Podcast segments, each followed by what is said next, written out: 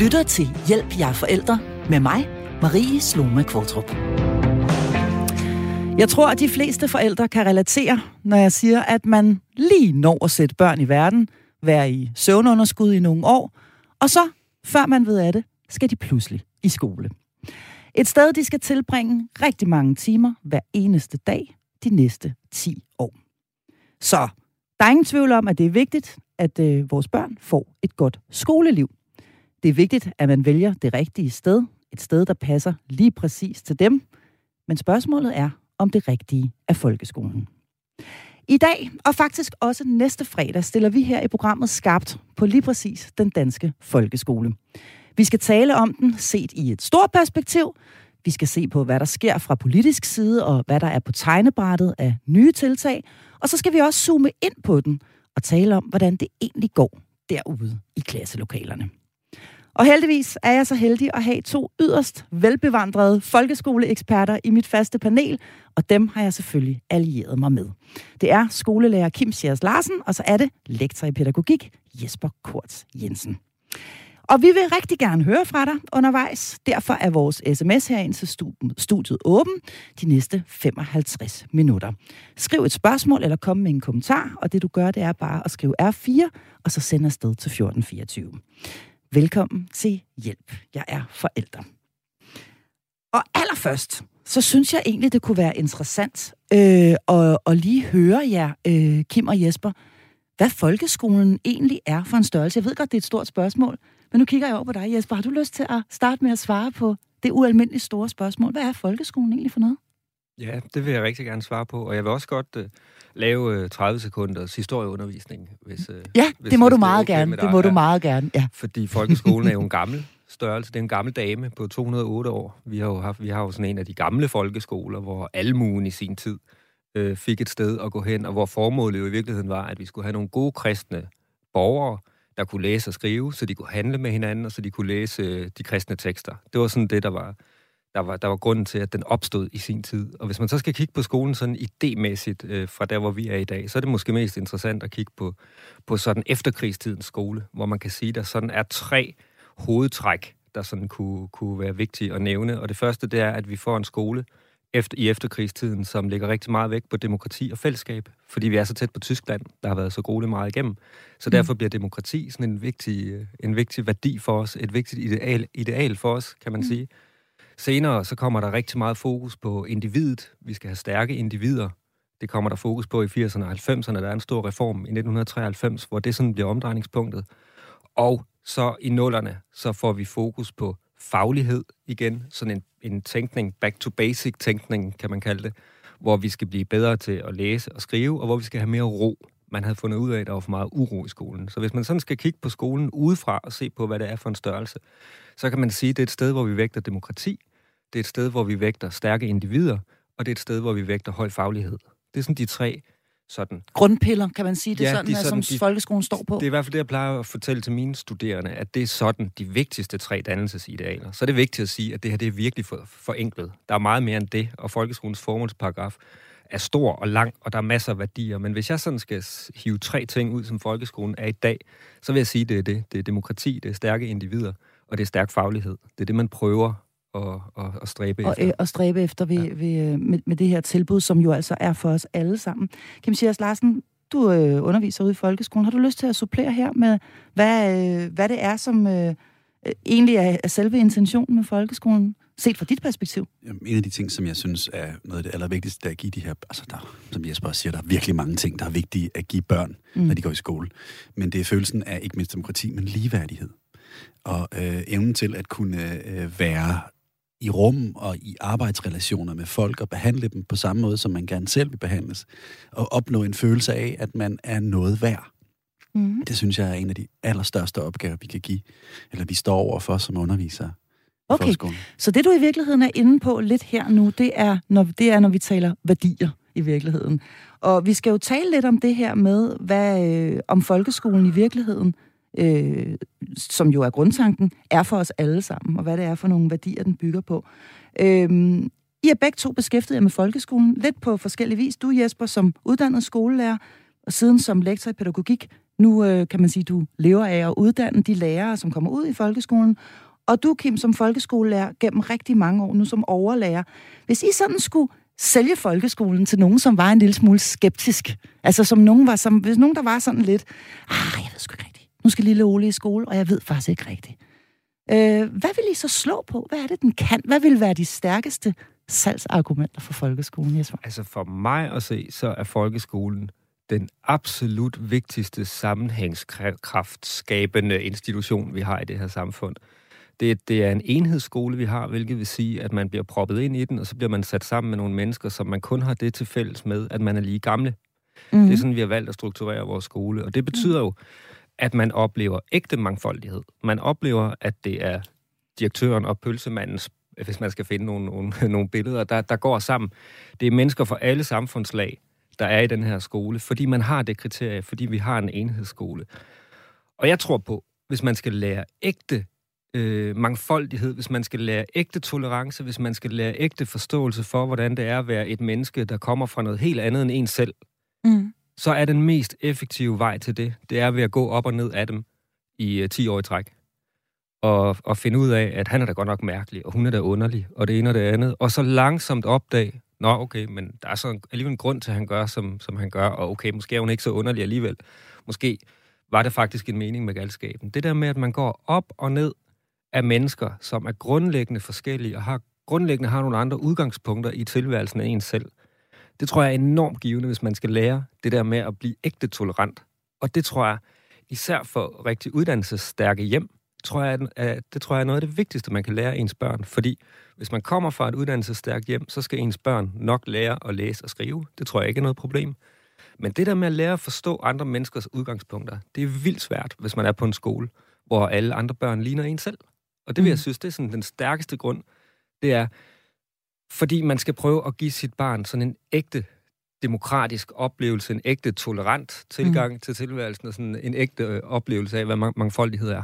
Mm. Det, det er det vigtigste, synes jeg. Så det vil være dit hovedargument. Det vil være mangfoldigheden og tolerancen, og rent faktisk det, at man fra børn er små, relativt små, det er de jo seks år, når de starter i skole, starter med en bred horisont på deres, øh, på deres verden. Simpelthen at lære ja. at forstå, at mennesker er mærkelige og normale og skøre og tykke og tynde og høje og lave og alt muligt andet. Mm. Og, og ja, en, en forskellighed. Og spørgsmålet er jo, om øh, det præcis er sådan, det er øh, ude i folkeskolen. Det vender vi tilbage til.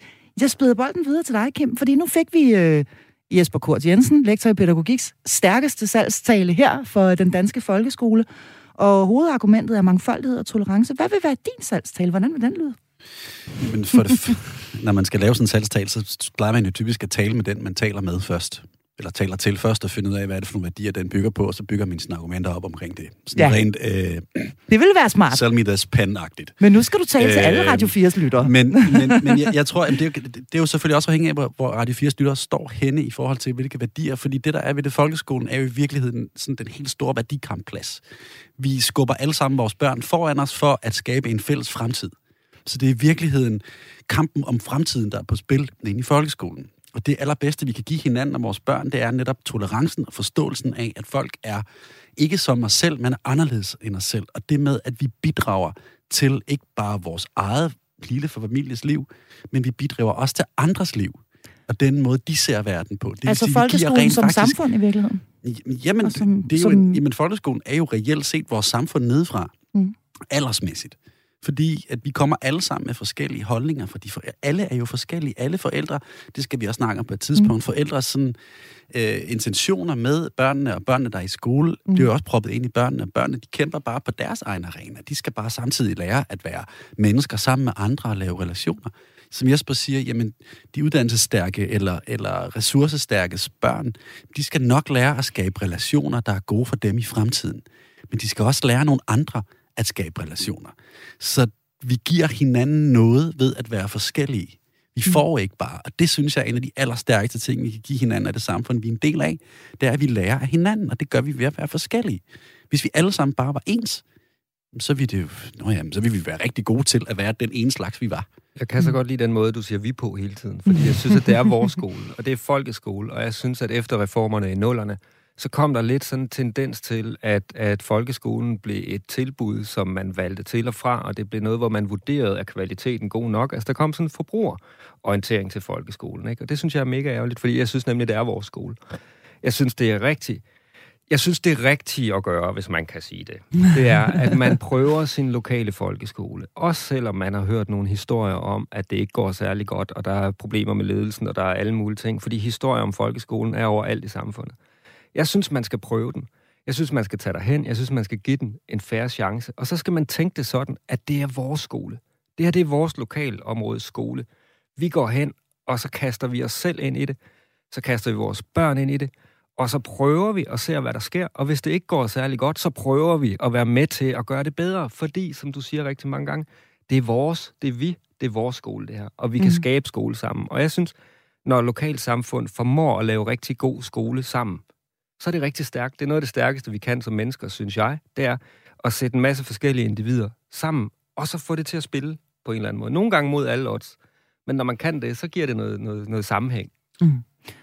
Så i virkeligheden er vi, øh, hvis vi sådan skal, skal øh, koge, øh, koge det ned til en bouillonterning her, når vi taler om, hvad det er, øh, folkeskolen virkelig kan, jamen så er det mangfoldighed, det er selvfølgelig dannelse, øh, men det er især den menneskelige del, altså det er i virkeligheden den, meget den værdibaserede del af vores dannelser, det vi giver til vores børn, der handler om tolerance, der handler om empati, øh, og som handler om fællesskab.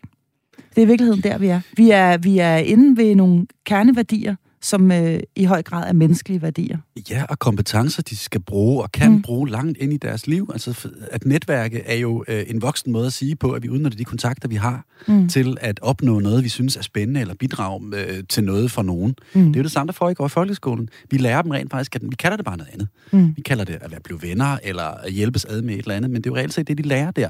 Mm. Jo bedre vi er til det, jo bedre et samfund kan vi også i fællesskab skabe på lang sigt. Mm. Det synes jeg er skide vigtigt at hænge fast i. Og det lyder jo alt sammen enormt smukt, og det lyder alt sammen enormt ja. godt. Øhm, men det er jo bare ikke øh, altid sådan, at øh, bolsjerne er særligt blandet derude. Altså på den måde forstået, at øh, vi har det med at øh, flytte sammen i områder med mennesker, som i høj grad minder om os selv, som har nogenlunde samme type indtægter. Det hænger jo selvfølgelig også sammen med boligpriserne. Øhm, og som øh, tænker og gør øh, i høj grad ligesom os selv. Og derfor så bliver vores skoler, og også vores folkeskoler jo i høj grad, øh, en lille smule sådan ghetto på den her måde, at vi klynger os sammen. Øhm, jeg har lyst til at spørge, øh, nu er I begge to veluddannede, pæne mænd, hvide mænd i øh, 40'erne. Nu siger jeg ikke noget forkert, vel? nej, nej, nej. øh, hvad har I selv valgt til jeres egne børn? Jamen, øh, altså, jeg har valgt, øh, jeg har valgt folkeskolen. Nå, det har du alligevel. Ja, det har jeg. Okay, og hvad, øh, hvad, hvad må jeg have lov til at spørge, om du øh, på noget tidspunkt har følt dig fristet til et alternativ, eller om du er så heldig og privilegeret, at der, hvor du bor, der synes du, at den lokale folkeskole kan det, den skal kunne, eller? Jamen, som du måske har fornemmet på det, jeg har sagt uh, tidligere i dag, så er jeg også bare... Altså, jeg er virkelig folkeskolemand, og jeg har mm. bevæget mig i folkeskolemiljøer i hele mit arbejdsliv, og jeg er, jeg er en stor fortaler for, for alt det, folkeskolen kan, så jeg synes, det vil være... Jeg, jeg, vil, jeg vil have virkelig svært ved synes jeg, at stå på mål for alle de holdninger, jeg har, alle de meninger, jeg har, hvis jeg ikke selv gav den lokale folkeskole chancen. Mm. Men jeg vil så sige, at jeg har det også fint med, at vi i Danmark har et frit skolevalg. Altså det synes jeg mm. sådan set er stærkt. Jeg synes, jeg synes man skal give den, den lokale folkeskole øh, chancen. Og hvis man så finder ud af, at det fungerer sgu ikke specielt godt for mit barn alligevel, og man har prøvet, og man har gjort alt, hvad man kunne for at få det til at spille, så synes jeg, det er dejligt, at vi er i et land, hvor vi har mulighed for så at sige, jamen, så prøver vi noget andet. Mm. Altså, Men nu spørger jeg bare en ja. lille smule frægt. Hvis nu den lokale folkeskole havde været røvhammerne elendig, havde du så stadigvæk øh, stået ved dine idealer og fyret dine børn afsted over i den skole?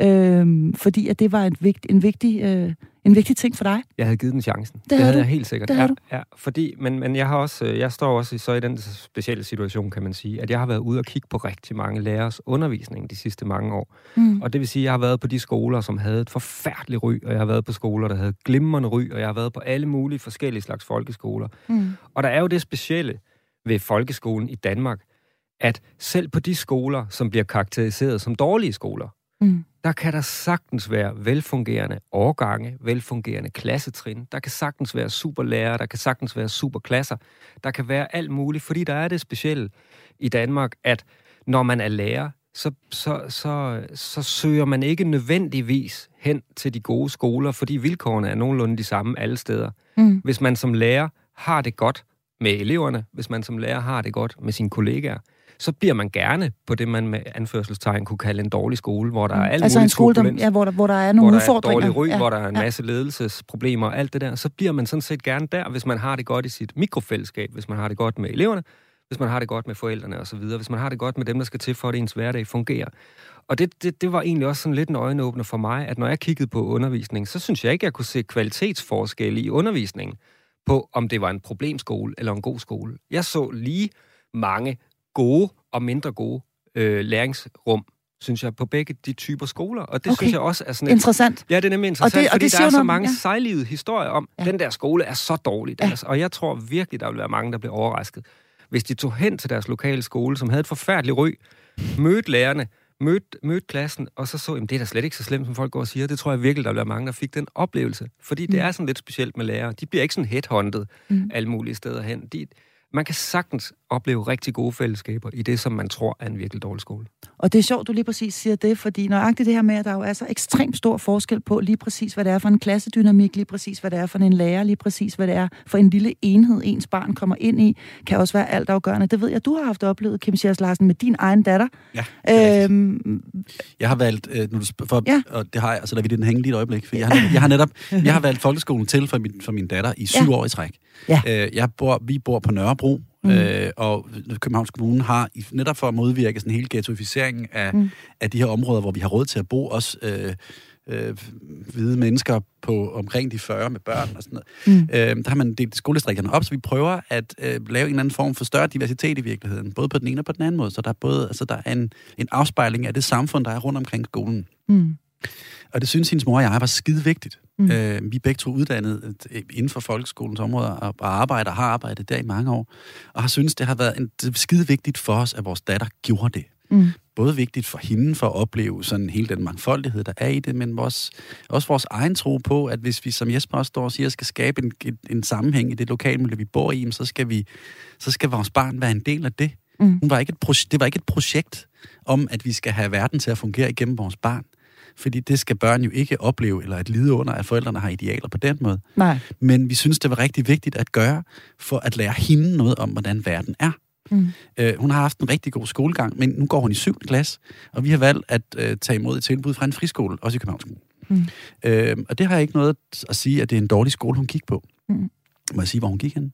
Øh, ja, det, det, det må hun du gerne sige. på Rådmandsgade ja, skole. det må du gerne sige. Og Rådmandsgade skole kan vi også lige sætte på, på ligger jo i et område, som er øh, har ry for at være, det har ry for at være en lille smule belastet, ikke? Ja, ja. det har det. Ja. Øh, og det er en rigtig god skole. Mm. Øh, så det er, ikke, det, er ikke, det er ikke skolen, der har... Det har været... Øh, det er en, den kan rigtig mange ting. Den kan mm. alle de ting, som folkeskoler kan. Både mm. hvad elevsammensætning og lærer og ledelse og alt muligt andet angår. Øh, den klasse, hun gik i, var god i mange år. Endte med ikke at være god for hende. Mm. Så derfor valgte vi øh, efter vi havde prøvet, hvad vi nu kunne mm. øh, med klassens forældre og lærerne og alt muligt andet, mm. øh, at flytte hende til en anden skole. Og det har hun været skide glad for, og det har været en rigtig beslutning for hende og for os. Mm. Øh, men jeg har haft svært ved det. Hvordan havde, hvordan, jeg, jeg skulle lige til at spørge, hvordan, hvordan havde din uh, uh, idealisten, uh, folkeskoleidealisten Kim det Jeg har længe og, gået og, og tordnet mod folk, som, som valgte uh, fri- eller privatskoler sådan som udgangspunkt, fordi de har hørt, det var godt. Øhm, og sådan stiller spørgsmål hvorfor gør du det? Hvorfor skulle det være bedre? Hvorfor skulle den og den skole være bedre end den og den? Hele tiden sagt, jamen hvorfor giver du ikke den lokale folkeskole det skud? Den er lige så god som. Den kan mm. det samme. Det er skide dygtigt det ene og det andet. Og stillet mange spørgsmålstegn med, hvorfor vælger du en privatskole? Det er ligegyldigt. Mm. Øhm, medmindre man har sådan en helt særlig pædagogisk profil, som en Rudolf Steiner skole, hvor det er noget markant andet, du går ind til. Mm. Øhm, så pludselig så, så jeg mig selv stå over for valget om at sætte min datter på en friskole mm. øh, som jo var noget, som ja. minder meget om folkeskole, men som jo ikke er folkeskolen, som er en skole for dem, der har råd til at betale for det. Øh, ja, så det bliver, man, det, det bliver jo meget privilegerede menneskers det børn. Det bliver jo privilegerede menneskers ja. børn. Øh, men jeg, jeg finder jo så vej ind i det. Altså, jeg har lært min datter om mangfoldighed i syv år. Hendes, og nu må det være nok. Nok med Nej, det. nu må det ikke være nok. Nå, hvad så? Men, men hun, hun, hun er, jeg, jeg synes, ja. mit datter er blevet et øh, skønt menneske, mm. som har forståelse for andre.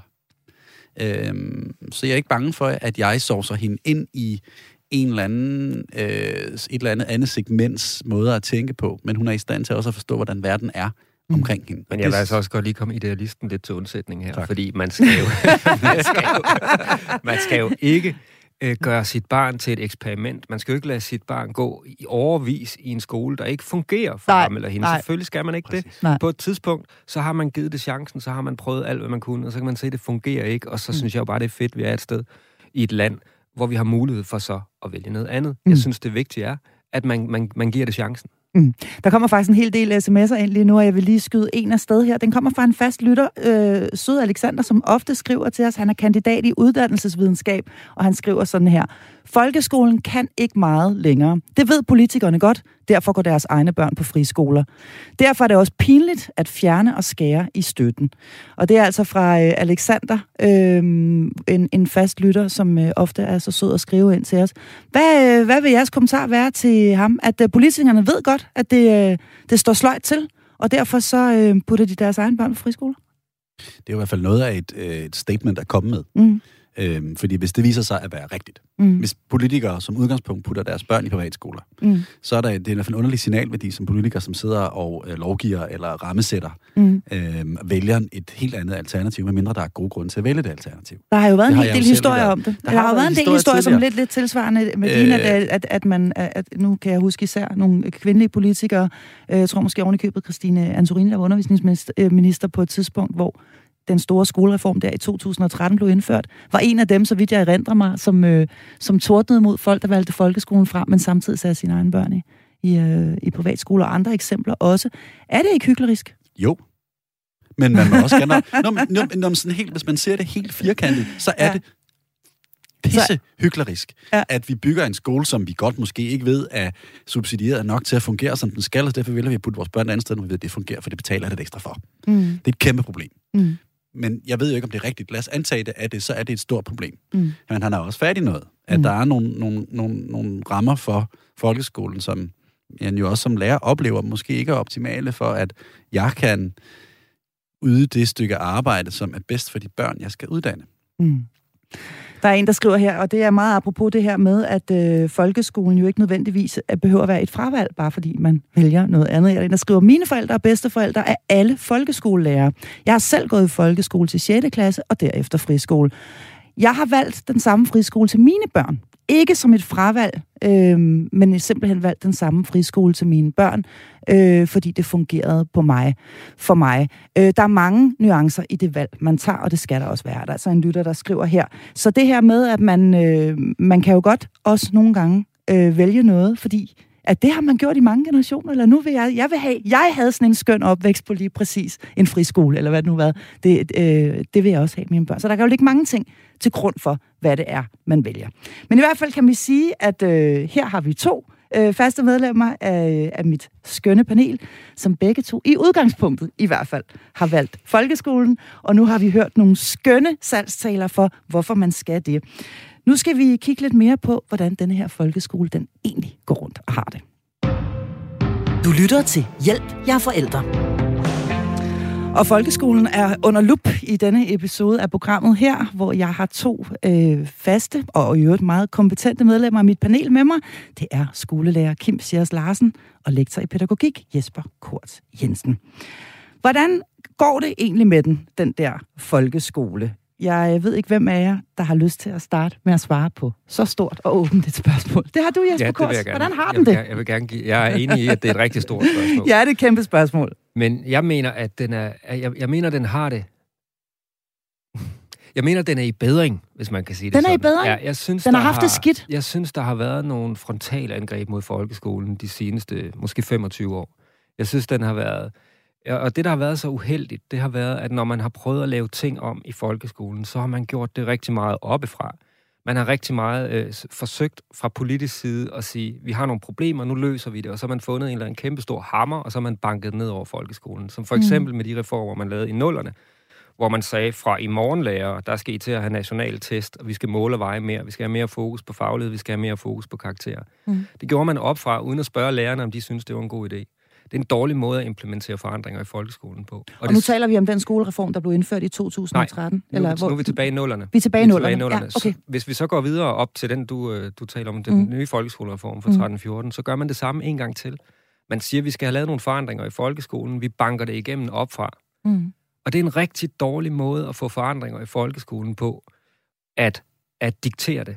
Der var en undersøgelse for nogle år siden, der viste, at lærere er et folkefærd, der hader, når ting bliver dikteret oppefra. Det er der Mm. rigtig mange mennesker i deres arbejdsliv, der hader i øvrigt. Men lærer gør det måske i særdeleshed. Man skal tænke på, at lærer, det er sådan nogle mennesker, der er vant til at komme ind i et rum Mm. hver dag og træffe en masse beslutninger Ja. og have en masse frihed. Og, og, altså, der var Og sætte en anden dagsorden. undersøgelse, Ja. der viste, at, at man som lærer træffer 20, 20 øh, beslutninger i minuttet. Fordi man hele tiden beslutter ting, man skal gøre og ikke gøre i et klasserum. Man er vant til at have stor indflydelse, man er vant til at have stor medbestemmelsesret.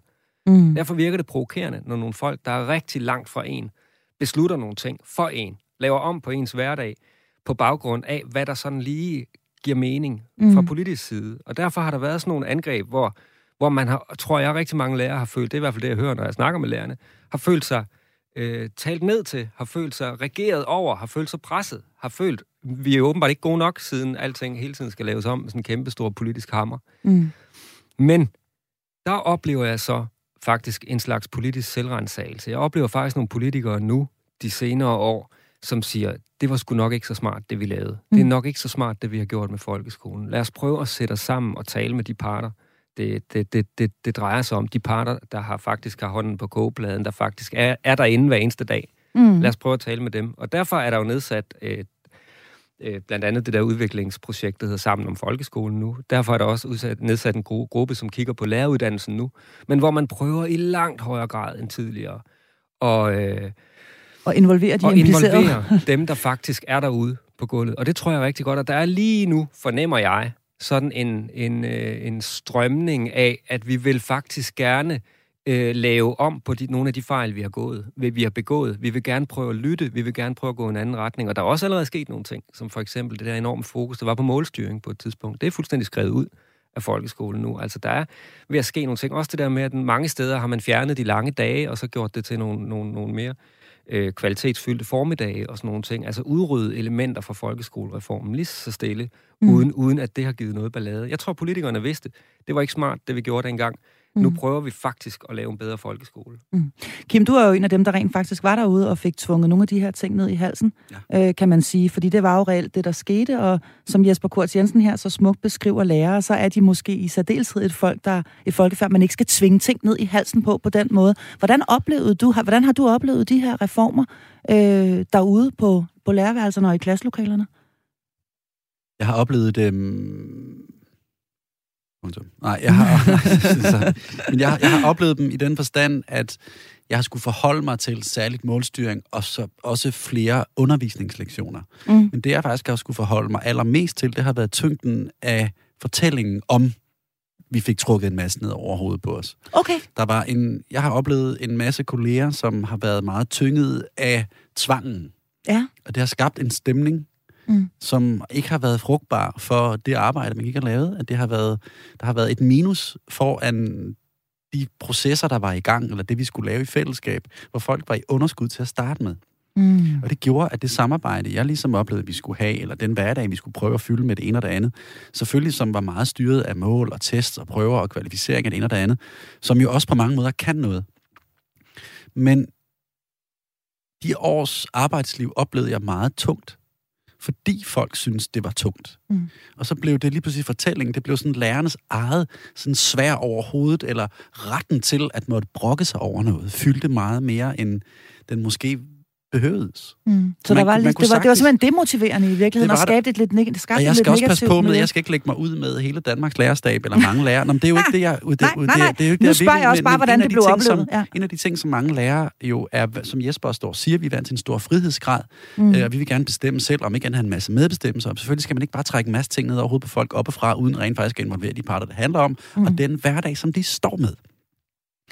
Øhm, og metodefrihed er en af de allervigtigste ting, vi har. Problemet er, at mange lærere ikke har lyst til at blive udfordret på den, eller kaldt på, gør du egentlig det her godt nok? Mm. Det vil sige, jeg lukker døren, og så gør jeg det, som jeg altid har gjort, og det er jeg rigtig god til. Eller er du? Mm. Eller er du ikke villig til at forandre? Er du ikke, jeg, jeg siger ikke, at folk ikke er dygtige til det, men jeg siger, at, min, at jeg er ked af, at der ikke blev, vi ikke kunne komme ud over... Ej, okay, det kommer til at lyde så heldigt, fordi jeg brokkede mig også selv. Mm. Men jeg fandt en vej ind i det, hvor jeg synes det var hårdt at skulle arbejde med, at have flere børn i klasserne. Men jeg var ikke nødvendigvis en dårligere lærer. Fordi jeg gjorde det stykke arbejde, jeg er god til. Jeg øh, ved, hvor jeg skal hen, hvilke mål der var, hvor jeg vil hen med det, og så øvede jeg mig, så var jeg så god til, at jeg rent faktisk kunne være fri i det. Mm. Øhm, Så du fandt en arbejdsglæde på, på trods, kan man sige, Ja. af, at, af de her ting, og de her jo... og det, øh, øh, det kunne, og det kan man godt. Mm. Øhm, men jeg oplevede, det var hårdt. Mm. Og det fik jeg også en hel del... at folk stadigvæk kan sige, ja, det var også det, de gjorde ved os i 13. Ja. Ej, det, Det er traume vi, nu skal vi vide. Jamen, det er det, men vi, skal også, vi er også nødt til at komme videre. Mm. Nu ved jeg godt, så, er vi, Men- så, har vi, så har vi en nærhedsreform, og der sker alt muligt andet, og vi sætter det hele fri, og det er så også en udfordring. Undskyld, du vil lige sige. Ja, men det er fordi, jeg synes, at... Altså, jeg kan virkelig godt se, hvad, hvad, hvad du siger der, men det er fordi, der grundlæggende, synes jeg, altså det er den helt store fadese, man har lavet, det er, at man har tvunget alle lærere til at undervise flere lektioner. Ja. Det vil sige, at man er oppe på en 5-26 lektioner tit som nyuddannet lærer nu, og det er sådan blevet normen, at man har det på en uge. Og det, og det betyder, at der er en gruppe lærere, de kan trives i det, de kan finde Mm. mm. ud af det, de kan formå at åbne og lukke en dør 25 gange på en uge, og så lave kvalitet, og på en eller anden måde lykkes de rigtig godt med det. Og så mm. er der en anden gruppe lærere, som hele tiden føler, de er bagefter, som føler, det, de ikke kan nå det, som de har ikke tid til at forberede sig. Og det er enormt frustrerende at gå rundt i. Ikke? Og, og, og der, er- altså, jeg har lyst til at fortælle, hvordan jeg synes, det burde være. Ja, det Må må, jeg du, det? det må ja. Du meget, meget gerne, ja. Jesper Kort. Så Jeg kunne vi synes- godt tænke os... Jeg synes, det burde være sådan, at en skoledag, den varede fra 8 til 13 for alle elever. Og så tog man alle de ressourcer, som man nu bruger ude på eftermiddagstimerne, og så kanaliserede man dem ind i skolen fra 8 til 13. Og så lavede man noget god skole der. Og så Altså taler man vi nu om, at det er helt fra indskoling og helt fra til udskoling? og Altså helt til man er færdig med 9. klasse? Alle, der har undervist, ved, at fra kl. 13 og frem, så går det ned ad bakke. Så Okay. bliver det mere og mere pasning, end det bliver undervisning med kvalitet. Ja. Så bliver det mere og mere opbevaring. Er du enig, Man Kim? Øh, er det efter klokken 13? Er det svært? Er det hårdt arbejde? Ja. Ja, for sådan. Ja, okay. Jeg godt. synes, man burde have en skoledag fra 8 til 13. Ja. Så synes jeg, man, man burde sørge for, at, at, og det vil så også komme af sig selv, hvis man havde den skoledag, at, at lærerne fik noget anstændig tid til at forberede sig, og man skulle, så kunne man bruge eftermiddagene på det, og så kunne man måske nå derhen til, hvor jeg, som jeg så gerne vil have, at folkeskolen når hen til, at lærerne får sat sig ned, får talt om deres fag. Mm. Mm. Dansk lærerne får talt om litteratur, øh, historielærerne får talt om 2. verdenskrig, og, øh, og samfundsfagslærerne taler om, hvad der er, der sker i Rusland lige nu. At man sidder og taler om det på lærerværelserne, og så får man lavet noget mega fed undervisning sammen der. Fordi man kan mærke, jeg brænder for de her ting. Jeg har lyst til, at børnene skal lære om det. Og det overskud, mm. hvor lærere møder ind, føler, at de kan sætte sig ned og tale om det, der var grunden til, at de blev lærer. Mm. Det er jo, fordi de brænder for nogle ting. De har lyst til at lære andre mennesker om det. Det overskud skal vi have. Vi skal have en skole, hvor lærerne føler, at de har overskud til at læse de nyeste bøger, sætte sig ind i de nyeste ting og lave noget fed undervisning. Mm. Fordi så får vi en folkeskole, der rykker. Så øh, nogle af de her pointer, øh, fantastisk, inspirerende, øh, Jesper Kort Jensen, øh, måske Danmarks kommende øh, undervisningsminister. Meget idealistisk, og det er med armbevægelser og det Ja, hele tak. herinde i studiet, skal vi sige. Kim Sias Larsen, hvad vil du tilføje til det her, Jesper han siger om, om, øh, om hvordan man i virkeligheden måske burde øh, omtænke og redefinere øh, dagene derude, simpelthen? Ja, det synes jeg, man skal. Jeg synes, jeg synes, der er ikke, at der ikke skal være det. Jeg synes, der er en nogle gange alt for sådan stram fokuseren på faglighed og mange timer. Mm. Kvantitet er lige med mere læring. Mm. Jeg vil hellere undervise to timer i tysk om ugen i en 7. klasse, end jeg vil undervise øh, med færre børn eller med flere ressourcer, end jeg vil Mm. undervise dobbelt så mange timer med flere børn. Øh, de får meget mere ud af det. Vi får meget mere øh, sprog, eller hvad, nu er det bare lige sådan det konkrete eksempel. Mm. Jeg tror ikke på, at, at, at, at 34 lektioner for en, for en, for en 8. klasses elev er særlig givende ud til klokken 15.15 15, fra klokken 8 om morgenen hver dag. Jeg, øh, jeg tror ikke på, at det virker. Mm. Øh, eller, jeg ser, at det ikke virker. Mm. Vi har alt for mange ressourcer, som mig selv inklusiv, som, som går og river os selv i hårene efter klokken 14 Mm. eller efter 13.30, fordi børnene, de kan ikke mere. Ja, det, det er simpelthen for stejlt op ad bakke. ja. Ja, og man Ja. kan sige, så skal man sige, jamen nu skal du bare lukke, og så skal du sætte dig ned, og så skal du bare høre, hvad jeg laver. Eller, Mm. Så må du fandme strukturere din undervisning udefra, at de kan sidde og lave programmerede opgaver de sidste to timer, fordi det er okay. Mm. Så laver vi træning, eller vi laver lektier, eller hvad fanden vi gør. Men det ændrer ikke på, at vi skal stadig udfylde de her 32 eller 34 lektioner for børnene med. Jeg skal arbejde 27 lektioner om ugen.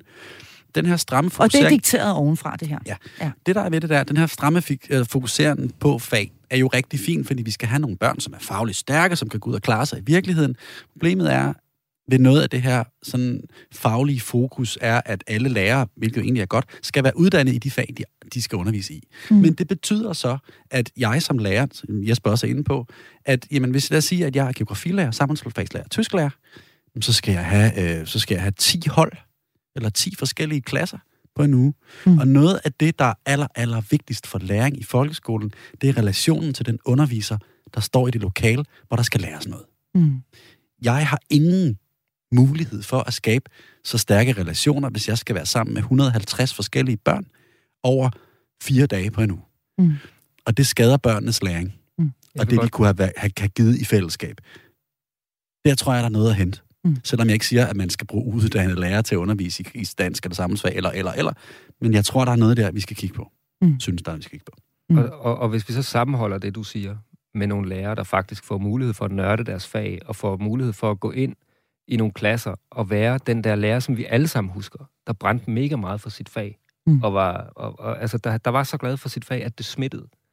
Hvis man kan kombinere de to ting, Kim, så er vi mm. ved at have noget. Så er vi ved at have noget rigtig ja. godt. Skal vi starte en friskole? Det kunne ja. nej, fri, nej, vi skal starte en folkeskole. Oh, ja. Ja. Men der er i hvert fald ikke nogen tvivl om, at den sådan meget omfattende skolereform, altså også den sidste, der blev indført i Danmark, nemlig den fra 13-14 under Helle thorning Smiths regering, den slog fejl. Det er der ret bred enighed om, og det er der faktisk også enighed om helt op i, hos vores øh, nuværende børne- og undervisningsminister, Pernille Rosenkrantz-Teil. Øhm, hun er i gang med nogle nye ting. Der sker ting og sager på den øh, politiske arena. Jeg synes lige, vi skal hæve os helt op i helikopterperspektiv, og så lige se på, hvad der egentlig foregår lige nu. Altså, hvad er der på bordet fra politisk side lige nu? En større involvering af dem, det rent faktisk drejer sig om, altså en større lydhørhed over for øh, skolerne, for landets skolelærere, og for dem, der står derude, dem, der arbejder derude, så nogle af de her ting, I også er inde på her, forhåbentlig vil blive lyttet til og blive taget med i de nye øh, kommende øh, tiltag. Øh, det er den ene ting. Men ved, ved I noget om mere sådan konkret? Øh, jeg synes, jeg har hørt nys om noget, øh, der bliver arbejdet med noget nyt øh, bedømmelses, øh, nogle bedømmelses- og evalueringssystemer, som skulle øh, gå ind og erstatte øh, de eksisterende. Øh, hvad er der ellers? Hvad bliver der fiflet med? Man fjerner de obligatoriske nationale test, for eksempel. Ja, man kigger på et helt nyt evaluerings- og bedømmelsessystem, ja. øh, hvor, du, øh, hvor man erkender, at det har ikke været et særligt brugbart redskab for fremtidig planlægning og undervisning for lærerne, udover de udfordrede børns øh, planlægning og undervisning. Men, men, men, men man, man, man gør lang, man, man vælger kun at have obligatoriske øh, sådan ret, eller hvad hedder det, progressionstests i læsning og matematiske færdigheder. Mm.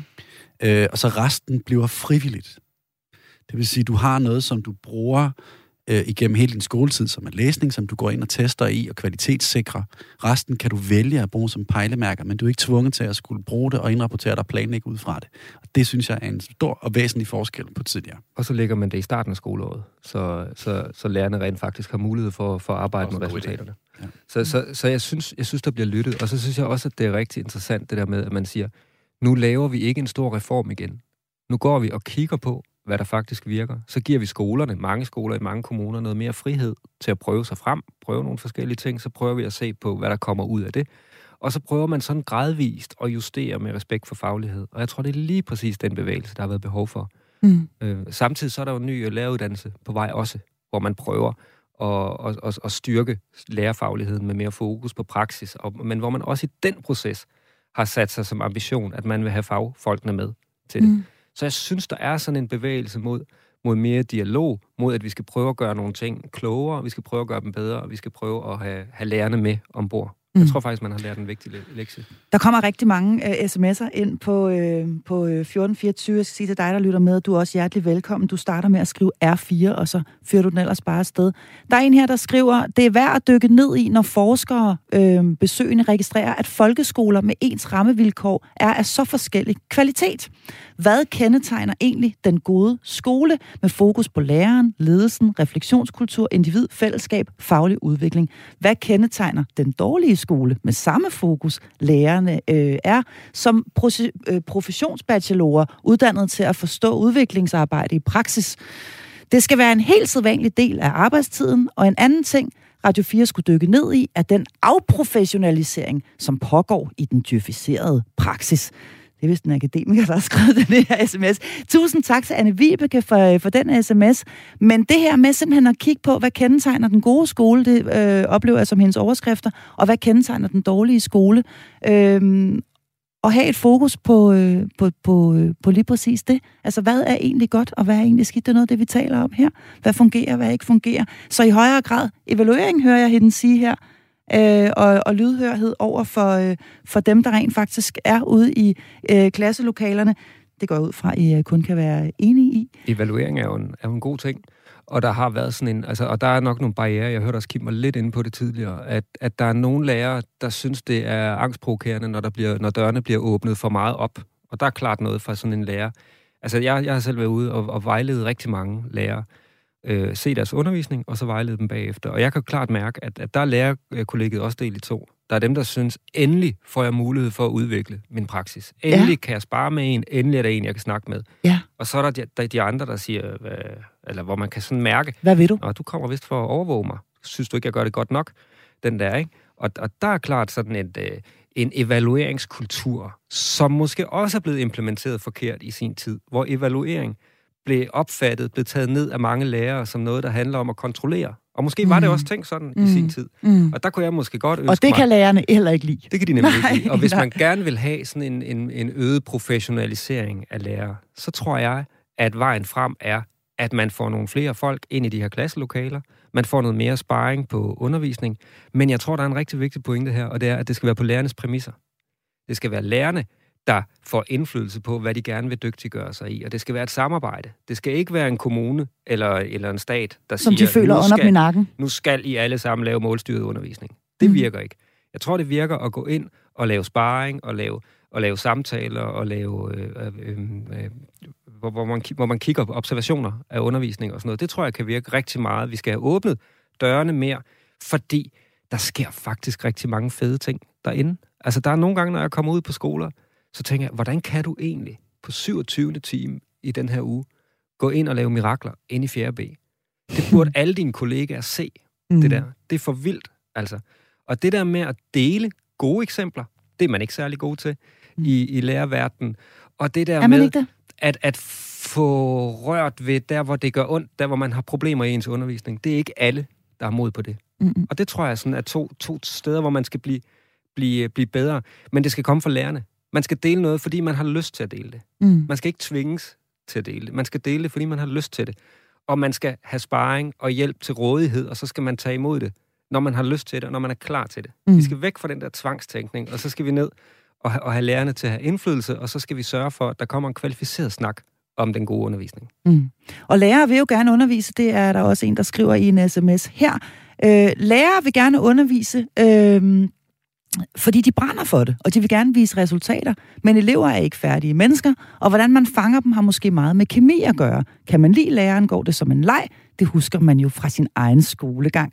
Her øh, er det altså Nils, der har sendt en sms til 1424 kæmpe stor forskel på, hvad det lige er for et klasserum, man ramler ind Ja, i. Også hvad det er, man får sendt sit barn afsted til, hvad det er for en lærer, man, øh, man møder, Kim. Og ikke, et, der er jo ikke to klasser, der er ens. Nej. Der er jo ikke to konstellationer, der er ens. Det er vel i virkeligheden også helt vildt svært at skulle være overordnet og lægge overordnede rammer ned for, øh, for både øh, øh, ja, klasser og, og lærere, som er så forskellige, ja. Som de er.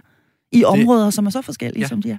Og så skulle man lave en overordnet politik og sige, det her, det er den vej, vi kører alle sammen sammen. Det er jo det, der er udfordringen ved at øh, generalisere så groft, som vi er nødt til at gøre i Ja. folkets skole eller vores allesammens skole. Så det er i virkeligheden også en svaghed hos folkeskolen. Det er i hvert fald en udfordring. Jeg ved ikke, om det er en svaghed. Det er i hvert fald et punkt, hvor man skal se på, jamen inden for rammerne af, altså, hvor er vores yderpunkter i forhold til, hvad vi skal være generelle om.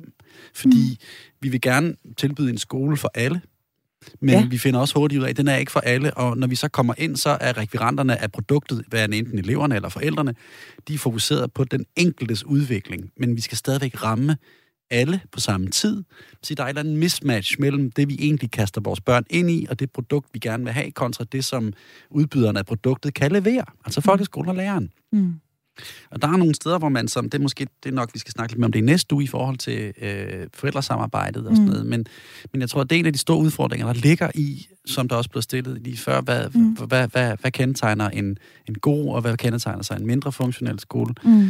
Øhm, Og der er jo nogle fællesnævnere, naturligvis. og det er der, og, Mm. der og, og, og, og fællesnævnerne i rigtig mange af de undersøgelser, der bliver lavet om undervisning af læreren, eller om god undervisning, hvad er det, der fungerer? Øh, og, og det handler om ikke nødvendigvis, at læreren, hvad var det, der blev sagt, læreren øh, godt kan lide det, Mm. under, eller hvad, Ja, brænder for det. Brænder for Ja. det. Øhm, det kommer an på, hvad der er der. Altså, fordi man brænder for noget. Ikke Mm. nødvendigvis for at stå og være noget, men, men man skal jo formidle noget til nogen. Og så skal Mm. man kunne brænde for at opleve læring eller udvikling eller børn, men det i bund og grund er det, som jeg også var inde på tidligere, relationen, der er vigtig. Mm. Og lige præcis det her med at lave en skole, som er for alle, og om det overhovedet kan lade sig gøre, det kommer vi altså til at dykke meget mere ind, øh, ned i næste uge. Jeg tænker på os også på begreber som differentieret undervisning og inklusion og så videre, og mange, de her mange forskellige tiltag, som jo har været bestræbelse på at netop være en skole, som kan være noget for alle. Det kigger vi nærmere på, men vi skal lige have, øh, vi skal lige blive lidt op på den store klinge, og vi kommer ikke udenom. Er noget, der har fyldt rigtig meget her de sidste par år, desværre, er corona. Du lytter til Hjælp, jeg er forældre. Og i denne uge med folkeskolen under lup i øh, rigtig godt selskab er jeg her flankeret af to dygtige medlemmer af mit panel, nemlig skolelærer Kim Sjærs Larsen og lektor i pædagogik Jesper Kort Jensen. Jeg skal lige sige, at vi både i dag og næste fredag har et lille folkeskoletema, og vi i denne episode her forsøger at bevæge os lidt op på den store klinge, se folkeskolen lidt i fugleperspektiv. Og du kan fortsat nå at sende en sms til os. Det gør du ved at skrive R4 og sende til 1424. Her de sidste minutter af programmet skal vi bruge på lige at kaste et blik på, hvad folkeskolen egentlig lærte af corona. En øh, pandemi, som vi alle sammen er ved at være godt og grundigt træt af. Det tror jeg gælder både børn og voksne. Men hvis vi kigger på skolen, Jesper Kort Jensen, hvad blev så udfordringen? Altså, hvad, hvad blev folkeskolens helt store udfordring, da landet pludselig lukkede ned? Hmm, jeg har nok mest lyst til at sige, øh, tage fat i første del af det, du spørger om, hvad det, hvad det var, vi lærte. Mm. Fordi for mig at se, så lærer vi betydningen af at være sammen med andre mennesker. Vi har den mest skoleglade generation af børn lige nu. Fordi det der med mange Det er ikke børn... engang løgn, de vil det rigtig med, gerne afsted. At, at, Ja. at mange børn har sagt igennem tiden, gid skolen brændte, gid der var sne, og jeg ikke kunne komme i skole og sådan noget. Nu har de faktisk prøvet det. Ja. Hvordan det er at leve i en tilværelse, hvor man ikke kan komme hen på sin skole. Og det tror jeg, der er rigtig mange børn, der har fundet ud af, at skolen er ikke så slem. Nej. Skolen er faktisk et rigtig fedt sted at være. Ja. Og jeg tror, vi alle sammen lærte, at, øh, at, at det er godt nok federe og mere givende at være sammen i et klasserum med rigtige mennesker, end det er at sidde foran sådan en skærm. Ja, ja, ja. Altså sådan helt lavpraktisk, så tror Mm. jeg, der er mange, der har forstået, hvor er det bare vigtigt, altså hvor er mennesker bare skabt til at være sammen. Mm. Så håber jeg, at man har lært, at man aldrig skal plante en femte klasse i et halvt år igen foran en skærm. Nej. Fordi de fik godt nok lang tid med hjemmeskole. Mm. Og det synes jeg var, var, var meget uhensigtsmæssigt. Så tror jeg også, at man har lært, at det med at være udenfor kan noget. Jeg tror, man har lært, at, øh, at, at det med at have kortere skoledage kan noget. Og så har man fået det vildeste kompetenceløft af IT hos lærere. Altså fuldstændig vildt, hvis man tænker på, hvad var niveauet før den her pandemi, og hvad er niveauet nu? Det er jo helt vildt, hvad lærere kan øh, IT-mæssigt nu. Altså sådan, og, Og men det blev de, men det blev de jo også tvunget til, kan man sige, fra den ene dag til den anden. Og Kim Sjærs Larsen, du er jo en af de lærere, som var derude der i marts øh, 2020, hvor hele ja. Mulvitten øh, lukkede ned første gang. Øhm, hvad, øh, var folkeskolen gearet til det her? Var du gearet til det? Var I gearet var til det derude, der da det skete? Jeg, jeg, er rigtig, jeg var rigtig gearet. Nej, Ja. Nå, men der er forskel på IT-kompetencer, hvor jeg måske brugte mere end andre, du ved. Ja. Men, men, men, men jeg tror som, jeg var, jeg synes også, det var vanvittigt noget det, der skulle foregå, mm. og skulle op hvordan man skulle gå til tolkninger af det ene og det andet, på man skulle lave det på videoer til, altså, jeg tror vi alle sammen, lige meget hvorhen vi lå henne på IT-kompetencespektret, fik virkelig meget ud af det. Øhm, og, og lærte at kommunikere med børn, og der var sådan frygtelig masse bøvl i forhold til, hvor mange forskellige platformer, der blev brugt, mm. Ene eller andet, tredje, fjerde. Men folk blev skide dygtige, og der var ikke nogen, der var gearet til at kunne bedrive undervisning i noget, der mindede om den måde, det skulle gøres på. Og det, jeg tror også, at det har været mere eller mindre godt rigtig mange steder. Men jeg tror, at en af de ting, vi har taget med, det er, at vi, kan, vi får muligheden, hvis, hvis skoleledelser og lærere er modige nok, eller er kun for mig. Mm. Så, så synes jeg, at det her på mange måder har givet os en ny måde at kunne se, hvordan kan vi strukturere vores arbejdsundervisningsdag med hinanden. Hvordan mm. kan vi integrere, at man nogle gange er hjemme, nogle gange er på skolen, man er forskellige steder, man har et redskab, man kan gøre noget med i fællesskab, man kan gøre det alene. Man behøver ikke at have sådan en en til en til en til en-agtigt. Altså mm. en lærer, en klasse, et fag, et lokale. Mm. Øhm, men Så du, vi lærte i virkeligheden, at skole kan være mange ting? Det håber jeg, at nogen mm. tager med. For jeg synes, en af de ting, som skolen inden det her, eller i det hele taget har stået overfor, det er sådan frygten for at ture at bryde op med den struktur, der ligesom altid har ligget i det, fordi uh, det var enormt besværligt at være i et selvstyrende team, som selv skulle lægge timer, mm. fordi det krævede en masse øh, logistik, og det gør det. Men forandring kræver fandme også nogle ofre, mm. eller nogle øh, blod, sved og tårer, mm. og vi har bare fået en pissegod mulighed for at kigge på det nu, mm. hvis vi tør. Jeg vil godt tilføje, at jeg tror også, der er kommet sådan en didaktisk øh, revolution mange steder. Jeg tror, der er mange, der har fået en større øh, pædagogisk værktøjskasse der er mange, der simpelthen er begyndt at få nye elementer ind i deres undervisning, fordi de har været nødt til at nytænke en hel masse ting nu. Mm. Ved at lægge sin undervisning fuldstændig om, så må der simpelthen starte nogle nye processer op i ens hoved, og når sådan en, den normale undervisning starter igen, så må man pludselig have mod på at gøre nogle ting, som man ikke havde mod på før. Det er ikke noget, jeg ved noget om. Det er noget, jeg forestiller ja, mig. at det at simpelthen sådan, har tvunget, at simpelthen tvunget, og det har de jo gjort for os alle sammen, ja, ligegyldigt hvilken branche vi tilhører, tvunget os til at tænke anderledes. Ja, det tænker jeg kommer skolen til gode, at der kommer til at være noget mere varieret, noget mere spændende undervisning. Det håber jeg. Men jeg vil godt lige sige, det har godt nok også haft nogle ofre. Hold op, hvor er der nogle børn, der er blevet plantet i det her, og hvor er der nogle børn, der har tabt her, og hvor er der nogle børn, der er blevet øh, overvægtige og angste og mm, alle ensomme. Ja. Og ensomme. Det har haft mm. nogle kæmpe menneskelige konsekvenser. Det skal vi lige huske i det her, ikke? når vi sidder også og tænker, hvad, hvad kan vi lære af det? Ikke? Mm. At, at, at det har været en, det Og har det har også omgang. taget lang tid at, at ligesom nå dertil, hvor også politikerne har forstået, at, at det er alt afgørende at holde denne her skole åben. Øh, så hvis der skulle være nogle politikere, der har fikse idéer om at lukke den ned igen, som lytter med her, så please don't. Øh, vi kan ikke mere. Børnene kan ikke mere. Øh, Men jeg tror, alle har gjort alt, hvad de kunne for, at børn ikke skulle gå ned. Eller børn ikke skulle være utrygge, kede ja. af det og alt muligt andet. Det har jo bare været et, vi har ikke andre muligheder end at gøre det her, mm. for ellers dør vores gamle og de svage. Mm. Så, så lad, os, lad os håbe, at vi finder et kompromis, som, som handler om, at, at vi godt kan sørge for at tage hånd om dem, der har det svært, ja. mens vi uh, kigger på nye måder at se det på. Og så jeg håber, at børn aldrig skal være tvunget til at sidde foran en skærm fra 8 til 15. Ja, ja tak. det vil jeg også nok sige. Er der ikke andet, så, så lærte vi i hvert fald, at det var, det var ikke nogen god idé.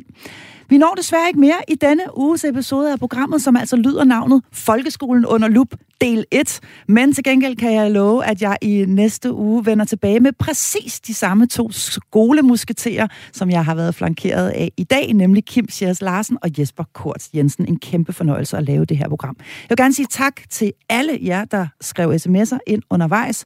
Tusind tak, fordi I lyttede med.